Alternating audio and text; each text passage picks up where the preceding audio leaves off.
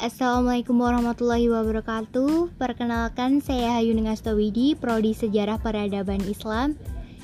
Kita akan belajar bareng mengenai sejarah Candi Borobudur.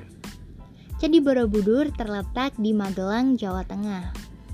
Tidak ditemukan bukti tertulis yang menjelaskan siapakah yang membangun Borobudur dan apa kegunaannya Waktu pembangunannya diperkirakan berdasarkan perbandingan antara jenis aksara yang tertulis di kaki tertutup Karmawi Bangga dengan jenis aksara yang lazim digunakan pada prasasti kerajaan abad ke-8 dan ke-9. Diperkirakan Borobudur dibangun sekitar tahun 800 Masehi.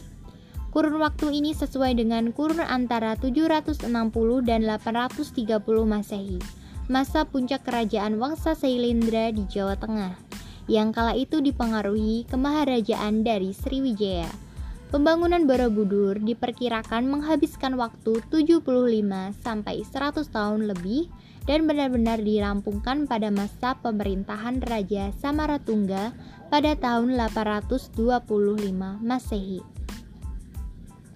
Terdapat kesimpang siuran fakta mengenai apakah raja yang berkuasa di Jawa kala itu beragama Hindu atau Buddha. Wangsa Silindra diketahui sebagai penganut agama Buddha aliran Mahayana yang taat. Akan tetapi melalui temuan prasasti Sojomerto menunjukkan bahwa mereka mungkin awalnya beragama Hindu Siwa. Pada kurun waktu itulah dibangun berbagai candi Hindu dan Buddha di antara dataran Kedu berdasarkan prasasti Cangal. Pada tahun 732 Masehi, Raja beragama Siwa Sanjaya memerintahkan pembangunan bangunan suci Siwalingga yang dibangun di perbukitan Gunung Wukir. Letaknya hanya 10 km sebelah timur dari Borobudur. Candi Buddha Borobudur dibangun pada kurun waktu yang hampir bersamaan dengan candi-candi di dataran Prambanan. Meskipun demikian, Borobudur diperkirakan sudah rampung sekitar 825 Masehi, 25 tahun lebih awal sebelum dimulainya pembangunan Candi Siwa Prambanan sekitar tahun 850 Masehi. Pembangunan candi-candi Buddha termasuk Borobudur saat itu dimungkinkan karena pewaris Sanjaya Rakai Panangkaran memberikan izin kepada umat Buddha untuk membangun candi, bahkan untuk menunjukkan penghormatannya.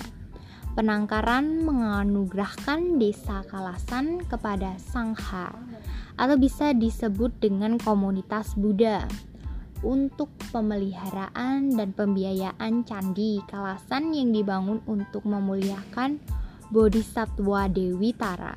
Sebagaimana disebutkan dalam prasasti Kalasan berangkat tahun 778 Masehi. Petunjuk ini dipahami oleh para arkeolog bahwa pada masa Jawa kuno, agama tidak pernah menjadi masalah yang dapat menuai konflik dan dicontohkan raja penganut agama Hindu bisa saja menyokong atau mendanai pembangunan candi Buddha, demikian pula sebaliknya.